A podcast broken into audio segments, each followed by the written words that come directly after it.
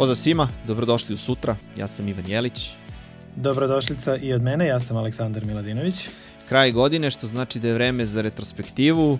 Ovaj put, prošlu godinu gledamo pod novim krovom, ali ime je novo, pravila su stara.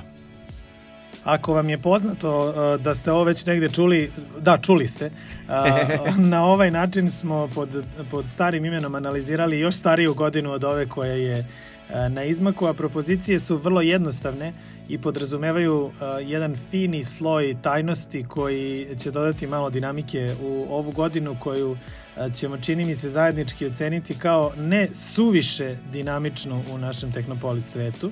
Uh, propozicije našeg današnjeg rada su uh, dakle iste kao i prošle godine Ivan i ja smo odabrali svako svoja tri uh, ključna utiska od 2022. Ali ih prethodno nismo podelili jedan sa drugim, već ćemo jedan drugog iznenaditi u međusobnoj komunikaciji i mislim da je to dosta dobrog rezultata dalo prošle godine i za vas i za nas jer smo utiske razmeli na jedan potpuno neočekivan, neočekivan način i zato mislim da je vreme da odmah krenemo da ih, da to. ih menjamo kao sličice koje jesu bile popularne ove godine, čak i u uh, Technopolis i u sutra svetu. Uh, u svakom slučaju krećemo sa prvim utiskom. Evo ja ću da otvorim uh, ovu godinu sa jednom rečju A, reći ću da je meni reč godine suša. A, I to suša u smislu a, pojave novog, novih uređaja sa kojim, koje bi promenili svet koji nas okružuje. Zato što mislim da je to jedno zajedničko ime za sve ono što smo videli ove godine. Pogledali smo a, i propratili mnogo a, događaja na kojima su velike ko kompanije prezentovale a, ono što su spremile za 2022. Najveće inovacije u nekim od tih prezentacija su bile da su se vratile publike na neki od događaja, a kada je to utisak koji ćemo pamtiti, onda sadržaj samih događaja nije baš obećavao.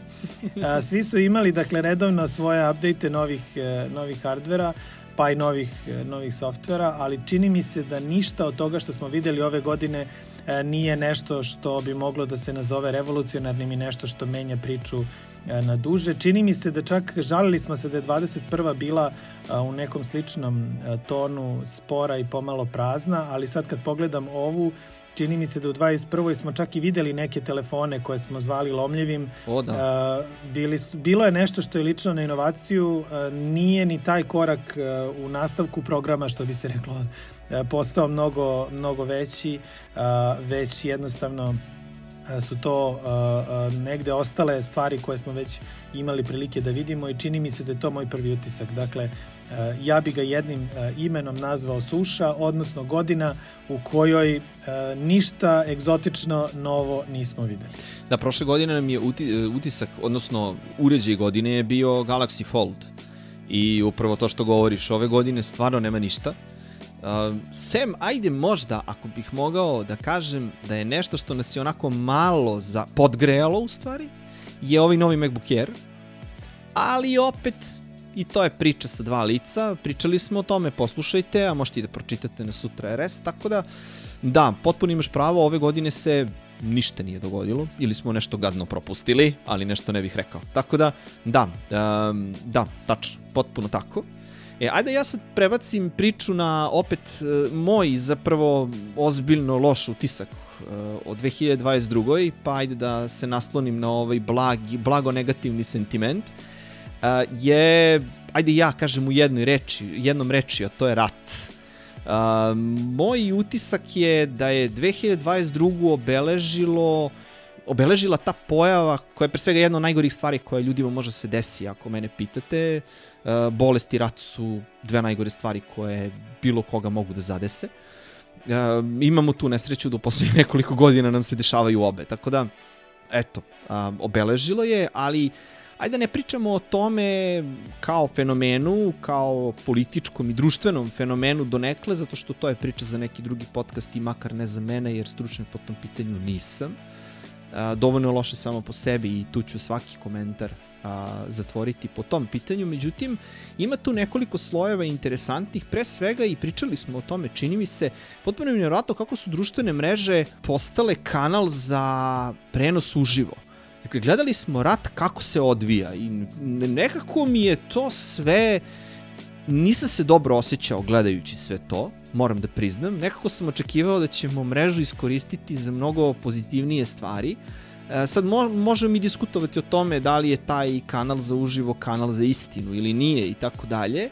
S jedne strane, ok, dobro je da postoji tako nešto, s druge strane i narativi se menjaju i, i kako se već utiče na njih, tako da e, opet nije ni to tema za ovu epizodu. E, s druge strane, interesantno mi je kako internet funkcionisao u jednom ratnom sukobu koje je na kraju aj nećemo da kažemo da je svetski rat zato što nećemo da ureknemo, ali u principu jasno je ko se konfrontira tamo i koji je i kakvi su ulozi i na kom su nivou.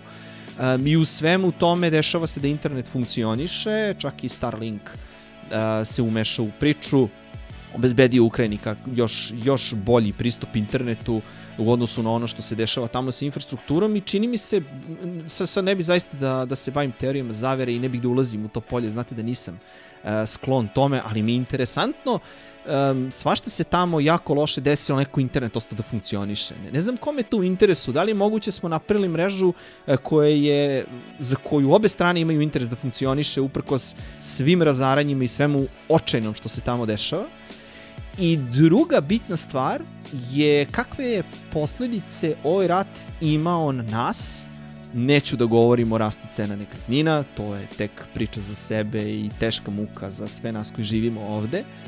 IT kompanije iz Rusije se sele ovamo. Uh, Yandex je najavio i čini mi se čak i otvorio uh, razvojni centar u Srbiji. Dakle, imamo taj moment da mi postajemo kolateralna šteta, ako mene pitate, cele ove stvari iz prostog razloga što je poslednje što nam treba još neka strana kompanija sa gotovo nepresušnim izvorom novca da nam uzima ljude koje bismo inače voleli uh, da zapošljavamo da prave neke stvari koje su naše i neke stvari koje se prave ovde, pa čak i za ljude ovde, što je jedna velika diskriminacija kada je ta, poznacima navoda, IT proizvodnja u pitanju. Tako da s te strane je interesantno kad pričamo o selitbi kompanija i da završim uh, uh, moju ratnu priču za ovu epizodu, interesantno mi je i to na koji način su je Rusija odlučila da priđe celoj ovoj stvari. Ima ona priča, pričali smo i o tome kako su zapravo se pripremili uh, da se otkače sa interneta, da njihova mreža interna nastavi i dalje da funkcioniše. I evo krajem godine počinju da se odmotavaju polako i ta klupka snabdevanja, pošto su mnoge kompanije obustavile snabdevanje za Rusiju, Apple, ako se sećate, ukinuo prodaju tamo, Samsung takođe, da ne govorim o internet servisima, ukinuti software i servis je mnogo lakše nego skratiti sve lance snabdevanja i jednostavno odustati od tako jednog velikog tržišta kada fizički imate prisustvo tamo. Međutim, i to se desilo i sada se ti lanci snabdevanja sele u neke zaobilazne puteve, mesta poput nas, Turske ili gde već, Tako da, zaista u 2022. smo imali priliku da onako, M da pratimo rat uživo, M da vidimo na koji način se u tim okolnostima snalaze oni koji nešto više ne mogu da urade i jednostavno kako smo puteve koji su nam ranije bili poznati zamenili nekim obilaznicama. Ja bih rekao da ono što smo u 22. naučili o ratu jeste koliko uh, se on kada se prenese u svet modernih tehnologija može uh, zloupotrebiti i biti opasan, da smo učili da drugačije gledamo i čitamo sve ono što se pojavlja na našim ekranima, da smo učili da drugačije analiziramo svaki uh, snimak koji dobijemo iz ratne zone, da smo shvatili da ćemo moći da ih dobijemo mnogo više nego ikada, ali da nam se više nego ikada dešavalo da pogrešno pročitamo ono što vidimo čak i svojim sobstvenim očima i da je to jedna velika lekcija 2022 ako se išta pozitivno može naučiti iz jednog rata, a to je da moramo još pažljivije, još, još opreznije pristupati svemu što se pojavi na ekranima koje držimo u ruci ili na stolovima ispred nas, jer je rat posebno pogodno vreme da se te stvari zloupotrebe, a moj se drugi utisak upravo recimo naslanja na, na tu priču i a, drugi utisak bi se jednim imenom, ako ćemo opet jednu reč odabrati kao ključnu. Ja bih taj drugi, taj drugi utisak nazvao ptičicom u klopci.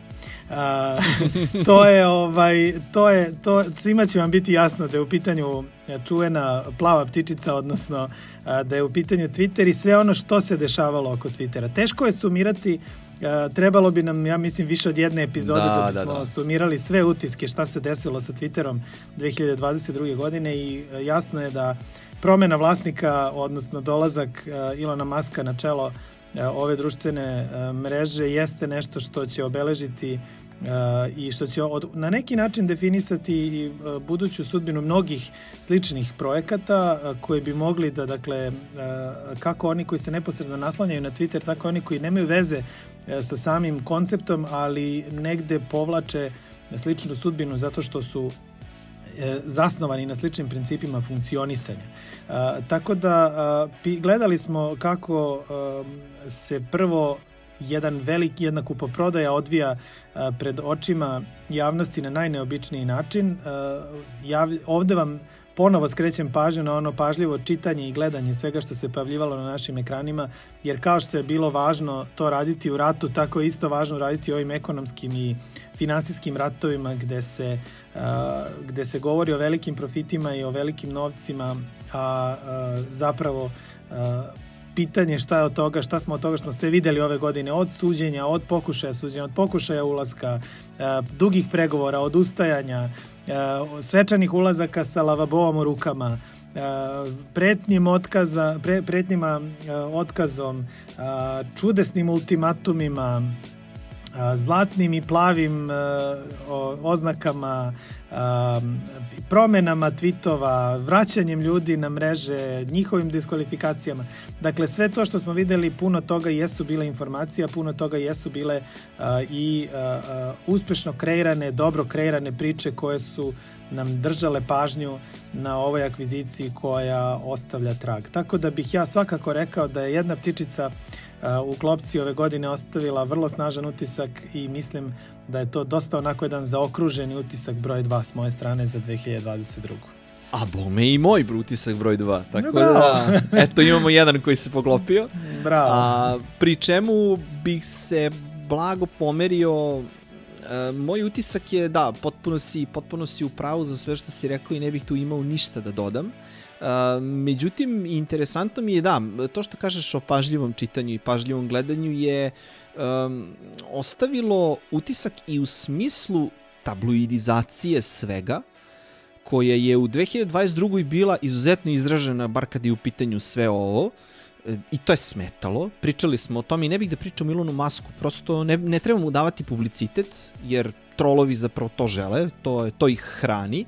Um, ali mi smeta jednostavno način komunikacije, smeta mi e, nivo na koji je ona postavljena i način na koji upravlja dalje i sva ona glasanja i čak i pogrešne interpretacije e, nebitno je, neću da ulazim u te detalje, zadržat ćemo se kao što si rekao, ali mi je interesantno s jedne strane imali smo e, javnu kompaniju, dakle deoničarsko društvo, pojavio se jedan čovek koji uspeo skupi ozbiljan novac, dakle pričamo o desetinama milijardi dolara, a, da kupi tu kompaniju, pretvori u privatnu i počeli su da se, se dešavaju problemi.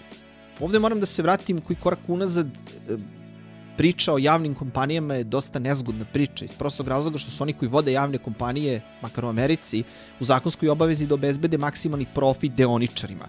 Dakle, tu etika i moral ne postoje. I onda kažemo u redu, ako to nije dobro, evo sad smo mogli da vidimo kako izgleda pod jedan, kada se pojavi neko ko ima dovoljno novca, ali sve drugo nije baš gde bi trebalo da bude.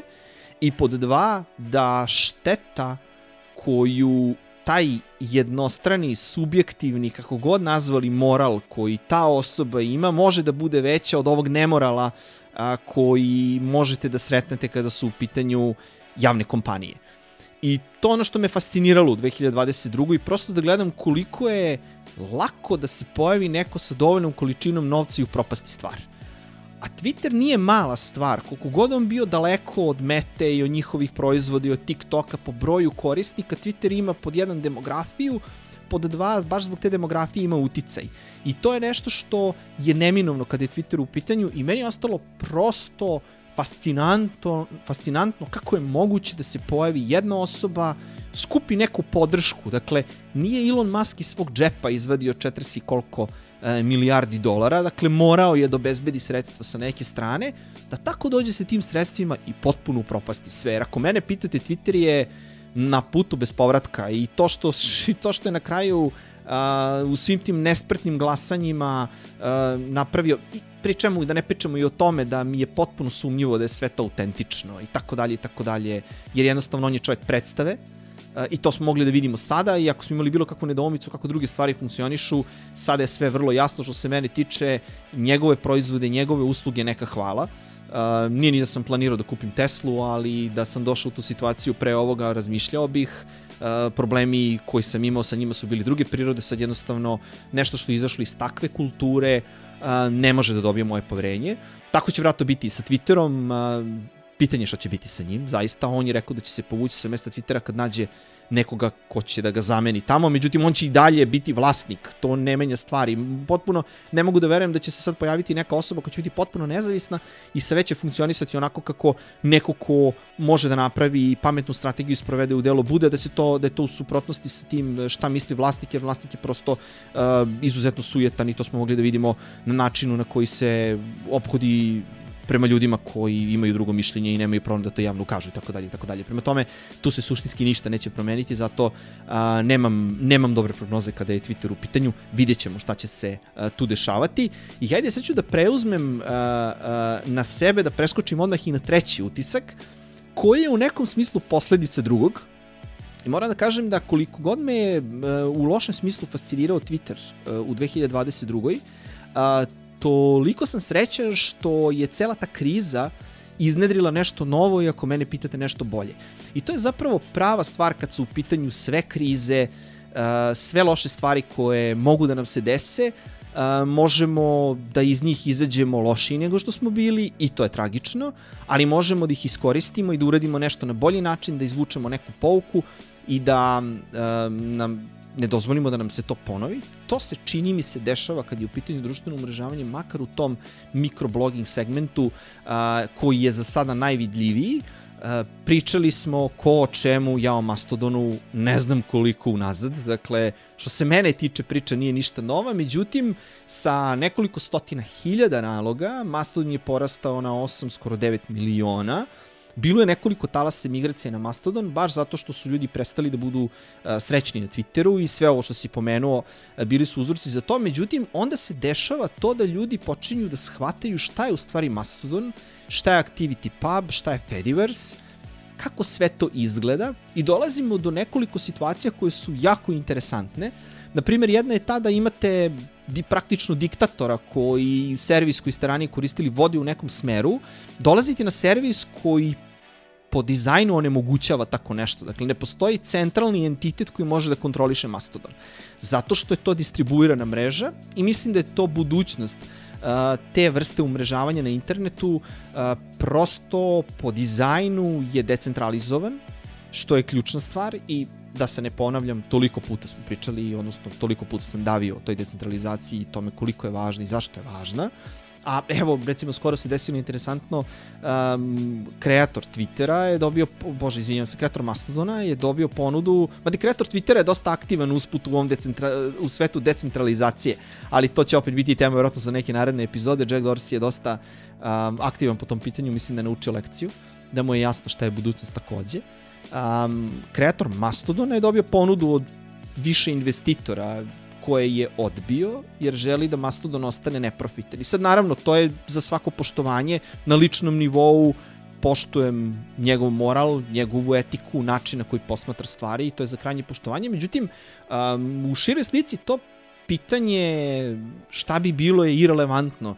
Ako bi on odlučio da proda Mastodon i novi vlasnik poče da radi loše stvari. Zajednica će nastaviti po svome. To je open source design. To je to. To tako funkcioniše. Prosto otporno je na te vrste problema. Ima drugih problema, naravno, ništa nije savršeno pa ni to, ali mislim da je to zdrava osnova, da je Fediverse, odnosno Activity Pub, kao protokol koji omogućava da mreže funkcionišu a, međusobno i vidjet ćemo da li će sledeće godine pojaviti i decentralizovani Instagrami, oni već postoje, decentralizovani YouTube-ovi i to već postoji, lepota je svega da svi mogu međusobno da se prate, to je bilo kao da sa Twittera možete da zapratite nekoga na YouTube-u i obrnuto, e to u Fediverse-u može, možete čak i sajtove da pratite, pa naš podcast možete da pratite e, preko Mastodona, jer je on u isto vreme i Mastodon nalog, Tako da, to je lepota toga, lepota decentralizacije je da je a, određena količina kontrole i odlučivanja vraćena ljudima koji te mreže čine, što je za mene možda i najvažniji utisak u 2022. Mislim da je a, tehnološka, a boga mi i ova druga javnost postala svesta da to postoji, da to funkcioniše i sad ostaje da vidimo kako ćemo kao društvo sve to iskoristiti, na koji način će se sve to razvijati, ali mislim da smo na putu bez povratka i da su stvari krenule i da se više ne mogu zaustaviti. I mislim da je sjajno kako si zapravo opet nesvesno, jer se nismo o tome dogovarali, napravio uvod za moj treći utisak, um, a to je da, u, uh, da nove stvari koje nastaju mogu biti dobre i bolje od onoga što smo možda imali u svetu koji nas je prethodno okruživao. Moj treći utisak je vrlo skroman uh, i to smo mi. Uh, moj treći utisak uh, se zove sutra.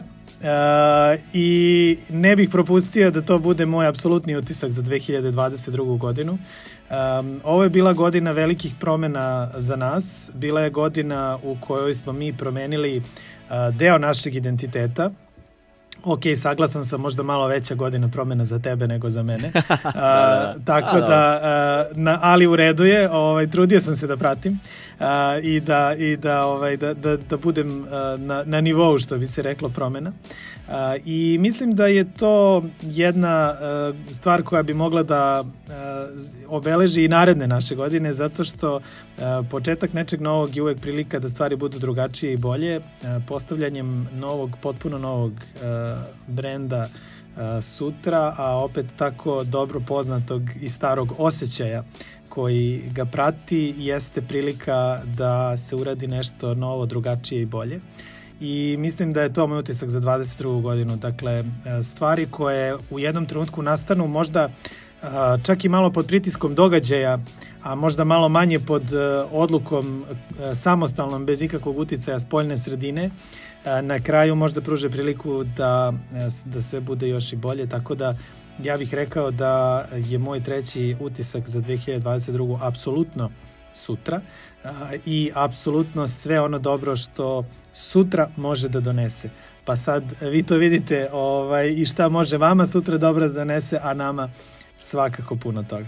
A da, to je ona priča. Neizvesnost od nje možeš da bežiš, a možeš da probaš i da je prigrliš pa da nešto uradiš po tom pitanju. Drago mi je da razmišljamo obojica na isti način. Hvala ti što si ovaj utisak koji je meni bio van liste stavio na listu.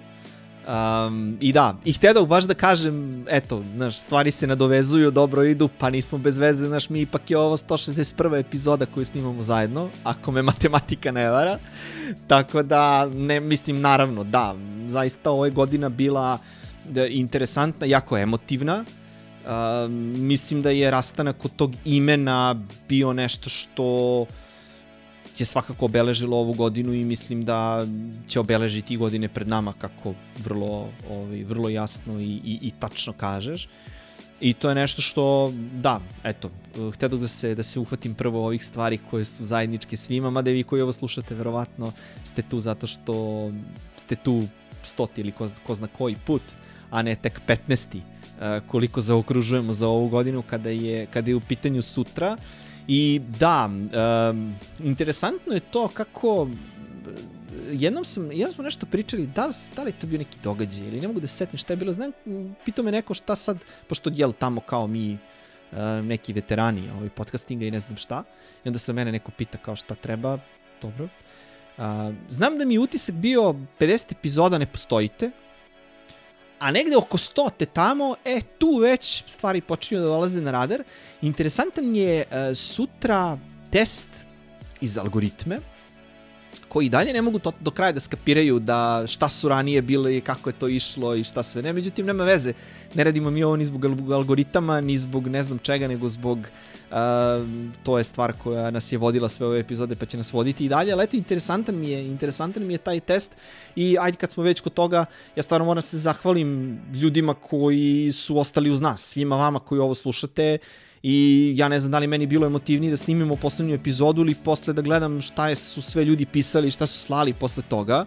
Uh, znaš, imam taj problem što stalno odnosno ja na ove stvari gledam kao na nešto što mi radimo za još nekoliko ljudi koji nas znaju, pa eto, znaš, toliko puta sam bio u nekom društvu gde uzmem banku i onda pričam o tako tehnologiji, onda ljudi kažu, pa što ti to ne snimiš? E, znaš, ja za te ljude snimam ovaj, a onda ispadne da, da nisu to samo ti ljudi, ali nema veze, ovaj, da ne dužim sad o tome. Tako da, da, ne znam koliko, ne, nema reči kojima ja vu mogu se zahvalim, čak je ostao uz nas, iako smo sada ovaj, mali nezavisni podcast bez velikih imena i kuća uh, iza nas. Um, svima koji su nam pomogli, bratu Manču koji nam je nacrtao logo koji je koji dalje kad vidim oduševim se, prosto ovaj, toliko dobro klikno da, da, da reči nemam a, prijateljima opet koji su a, mi bili poslovni prijatelji, a onda je sve to preraslo ovaj, i u lično prijateljstvo koji su ostali uz nas i pomažu nam za hosting, hvala i mainstreamu, tako da ajde. Ovo sam stvarno htio da ostavim za kraj, ali a, nema veze zato što bilo mi je na listi ovaj, a, bilo mi je na listi i to da, da, da popričamo i na tu temu, no eto, drago mi je da, eto, do, napravio si mi četvrti utisak, sad nije okej. Okay. a, u svakom slučaju mislim da je glavni utisak od ovog utiska da, a, pošto smo saglasni da se algoritmi bude između 50. i 100. epizoda, onda nam nije ostalo još mnogo. Ovo, do, ta, do tada. Pazi, Deezer je i dalje u fazonu Our editors are loving Technopolis. Ja sam u fazonu ljudi, ali vi volite da slušate na repeat i ba eto, pa to je nevjerovatno, ali dobro, nema veze. Malo se, updateujte se. Da, da, da, da nema veze. Ovaj, tako da, da, e sad, ima stvari koje su bile interesantne prošle godine, nisu, po mom mišljenju, bile dovoljno uh, velike, ako mogu tako trapavo da kažem, da budu jedan od moje tri utiska, ali mislim da ih svakako treba, treba pomenuti. Nismo pričali, pričali smo o krizi uh, koju ratni sukob donosi, kakve posledice ima, nismo pričali o krizi u IT-u generalno. Ovo je prva godina kada su big tech kompanije krenule da otpuštaju, E, kada su stvari u nekom smislu krenuli nizbrdo, sad krize u celom svetu, inflacija svuda, um, pitanje je sad koliko je to zaista kriza, ako više, ne znam, verovatno nema organskih banana u menzi, mislim, preživeće se, jel? Ovaj, treba misliti o ljudima koji su ostali bez poslova, koji ne mogu da nađu drugi posao i slično, ljudi u IT-u će se pregrupisati, po mojem mišljenju, relativno lako, iako nije prijatno dobiti otkaz, um, nekako mislim da su, su svi ti ljudi našli nova zaposlenja brže nego što su potpisali papire za odlazak s prethodnih pozicija, tako da u tom nekom smislu će se stvari malo, malo pregrupisati, ali eto, i sad te velike kompanije, ne znam koliki je problem zaista ako uh, ste prof, imali profit od 10 milijardi, sad je 9,5, mislim, u strašno. Ovaj, baš je problem. Ali dobro, ovi na berzi i ovi ekonomisti razmišljaju malo drugačije, sad koliko to dobro ili loše, ostavljam nekim drugim podcasterima koji se u materiju uh, razumeju bolje, tako da eto, nismo se, nismo se bavili time. Što se tiče Srbije, imam utisak da ni u Srbiji ništa se ništa nije preterano dešavalo, opet na početku godine bila ona priča koju ste uh, pričali vi na BBC-u oko zelenih sertifikata, ako se to beše tako zove, već sam počeo da zaboravljam i o problemima uh, sa privatnošću podataka i način ko, načinima na koji um, niko, odnosno stvarima na koje niko nije mislio. Um, e, mi to malo nadoveza smo, pa smo čak otkrili JMBG-ove URL-ovima i šta sve ne. Um, nisam to htio da stavljam kao utisak, ali mislim da je vredno pomena, prosto um, znam da ljudi u državnom IT-u nisu mnogo plaćeni, da je to nešto što mora da se promeni, ali opet ovakve stvari ne bi smela da se dešavaju ako se uopšte sećate ovaj, tih priča, početak godine iz ove perspektive delo je jako daleko i to je dokaz vremena u kojem živimo.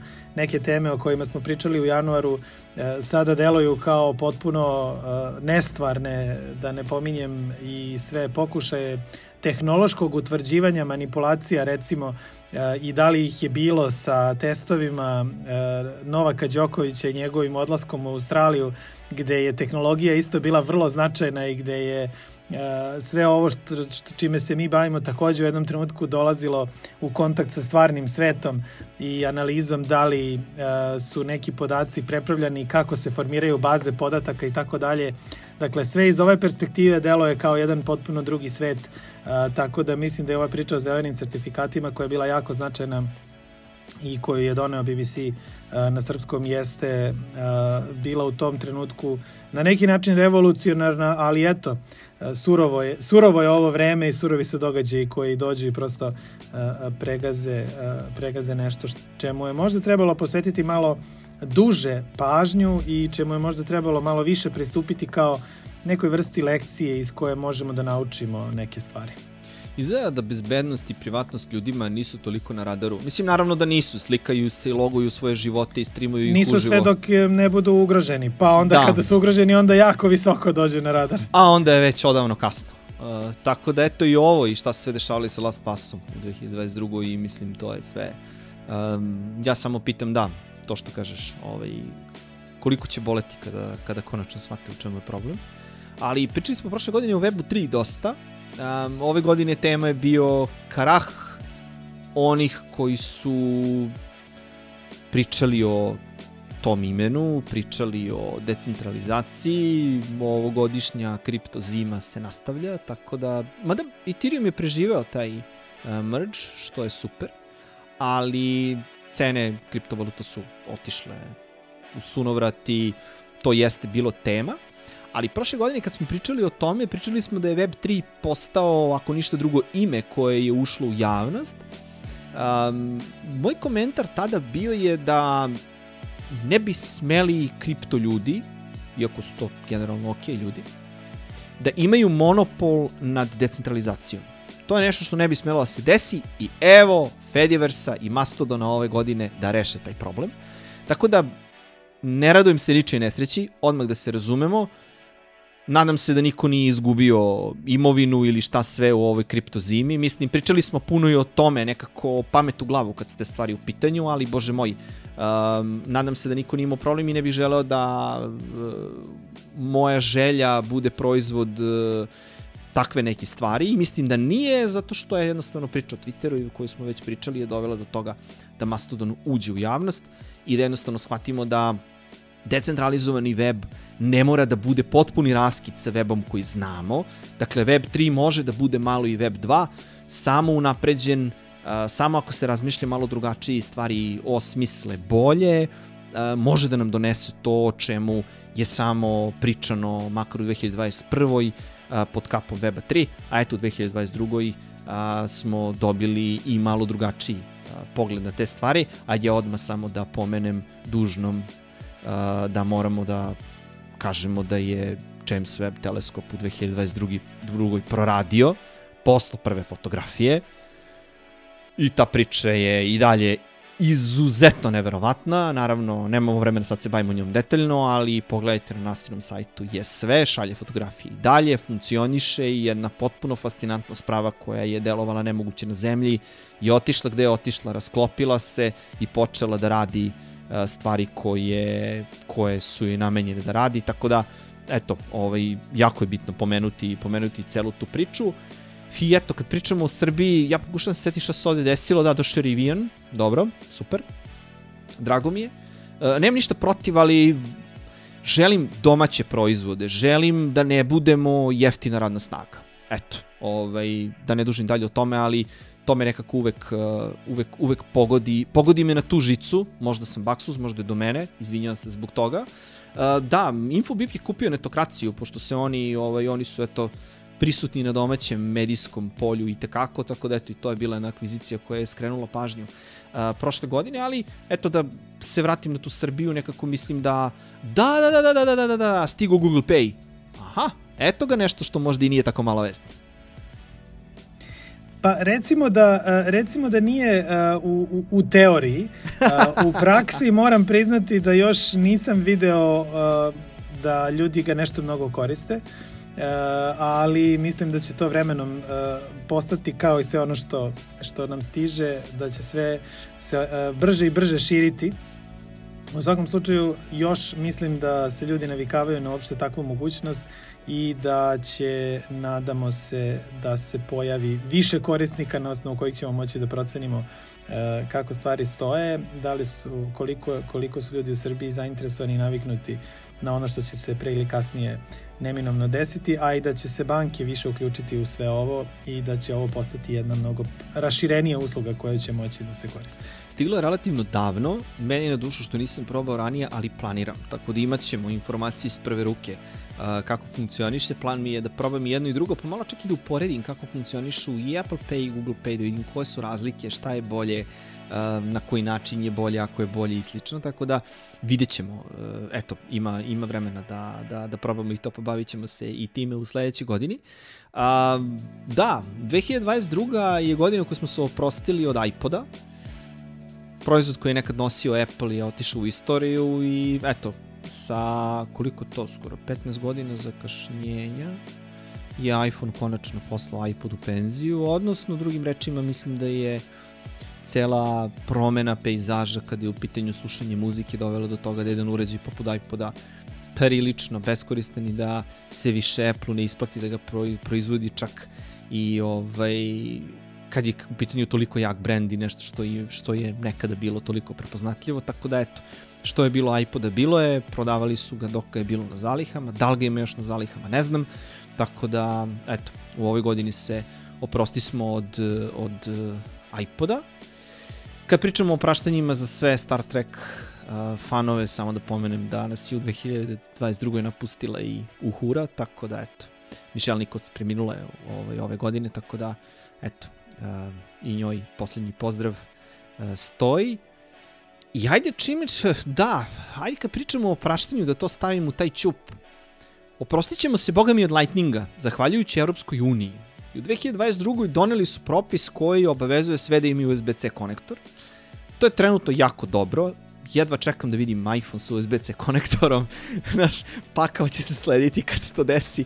Baš, baš me zanima kako će to da izgleda. Olakšat će život svima. E, ne samo kad je u pitanju punjenje, nego i ok, više ništa nema audio konektora i više slušalice nisu na žicu, ali ok, opet USB-C slušalice mnogo lakše naći, mnogo su univerzalnije, kad ni svi drugi nemaju a, a, konektor za slušalice sa žicom po starom, tako da eto, bit će zanimljivo, baš me zanima kako će da prate sve to uh, u budućnosti i na koji način će, na koji način će propisati sledeći standard kada nam USB-C više ne bude bio dovoljan, ali o tom potom, to je taj mač sa dve oštice uh, zakonodavca koji propisuje konkretnu tehnologiju koja se koristi, tako da vidjet ćemo, ali dobro, uh, sve to možete pratiti na Mastodonu jer Europska komisija ima svoj Mastodon server i tamo je aktivna, tako da eto, to nije moglo ranije to, nam je, do, to je nama naša borba dala za, za 22. Ovo što se tiče ovih konektora, mislim da dolazi 24. ako se ne varam i mislim da je to... Da, man za upgrade. Da, godina kada će se pripreme, sledeća godina godina pripreme za, za takve stvari. Da, mada mislim da će iPhone 15 imati USB-C. Prilično da već, sam siguran da će biti. Da će ta priprema biti da, napravljena ranije. Eto jedna prognoza, će... pošto ne prognoziramo, a light prognoza za sledeću godinu. Jeste, da. jer je racionalno da tako bude, jer će on biti uređaj koji će zapravo se prodavati u 24. najviše. Tako da uh, biće, biće interesantno kako će se velike kompanije već od sledeće godine pripremati. E, da, i samo da ne zaboravim na kraju opet e, tema koja je punila novinske stupce, ali mislim prilično neopravdano, prosto ljudi su se, čini mi se, priput sreli sa tim je chat GPT, cela priča o veštačkoj inteligenciji i pravljenju grafika i razgovoru s kompjuterom i ostalo. Uh, tako da da, ove godine je interesantno taj, ta veštačka inteligencija došla u žižu javnosti kako nije ranije i sad razne se teorije tu razvijaju da je chat GPT iPhone moment za AI i tako dalje i tako dalje te ima, postoji ovaj problem sa ljudima koji uh, prave grafički sadržaje, da će sad kompjuteri da im oduzmu posao. Um, treba i ovo, kao što si pametno rekao na početku, pažljivo čitati. Sve ovo je test, sve ovo je igra i opet primetiti da ne postoji ozbiljna komercijalna primjena ovoga, jer to uključuje i pitanje o pravima i odgovornosti i tako dalje i tako dalje. To su sve stvari koje još nisu rešene.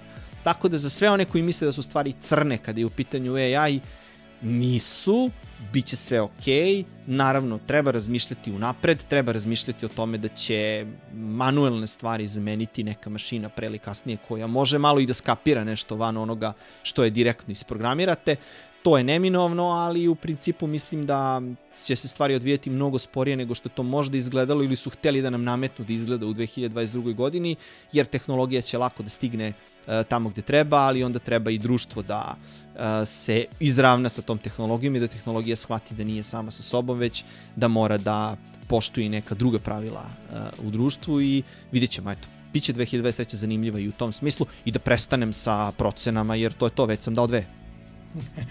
Zbog toga ja želim da završim uh, ovu priču sa porukom šta treba da naučimo. Uh, neka nas se, nadam se, 22. naučila da čitamo. Uh, neka nam je 22. nadam se dala uh, osnova da pravimo nove stvari na novim temeljima uh, u budućnosti uh, i tu takođe mislim i na nas uh, i neka nam je 22. bila jedan dobar početak za ono sve što treba da usledi u narednim godinama pa zbog toga mislim da smo spremni da lagano uplovimo i u 23. Da, hvala što ste stigli ovde. Uh, mislim da ćemo graditi i u sledećoj godini i razmišljamo o tome šta možemo uh, dalje da radimo i na koji način bi mogli da vam se obratimo i da se ovo podignemo na još bolji nivo. Počeli smo i da pišemo, samo da ne zaboravim i to, dakle sutra može i da se čita osim toga što može da se sluša. Um, ko što rekoh, aktivno razmišljamo o tome na koji način možemo da uh, poboljšamo stvari, kako bismo mogli da se pojavimo možda i na Patreonu i tako dalje i tako dalje. Vidjet ćemo, ništa ne bih da obećavam, da to ne bude ovaj četvrta, ne, odnosno treća prognoza za sledeću godinu, pa da mi se ne ostvari ona moja, to bi bilo najgore za ove druge ću lako. Um, hvala vam, ko što rekao, što ste stigli do ovde, hvala vam što ste uz nas u ovoj godini bili, što ste nam pomogli da cela ova priča sa uh, ovako velikom promenom u principu bude jedno zadovoljstvo. I bila je, bilo je uzbudljivo interesantno, um, toliko dobro da se pitam kako je nekada moglo da bude drugačije, ali dobro, to je sad e, klasična ona perspektiva pre i posle.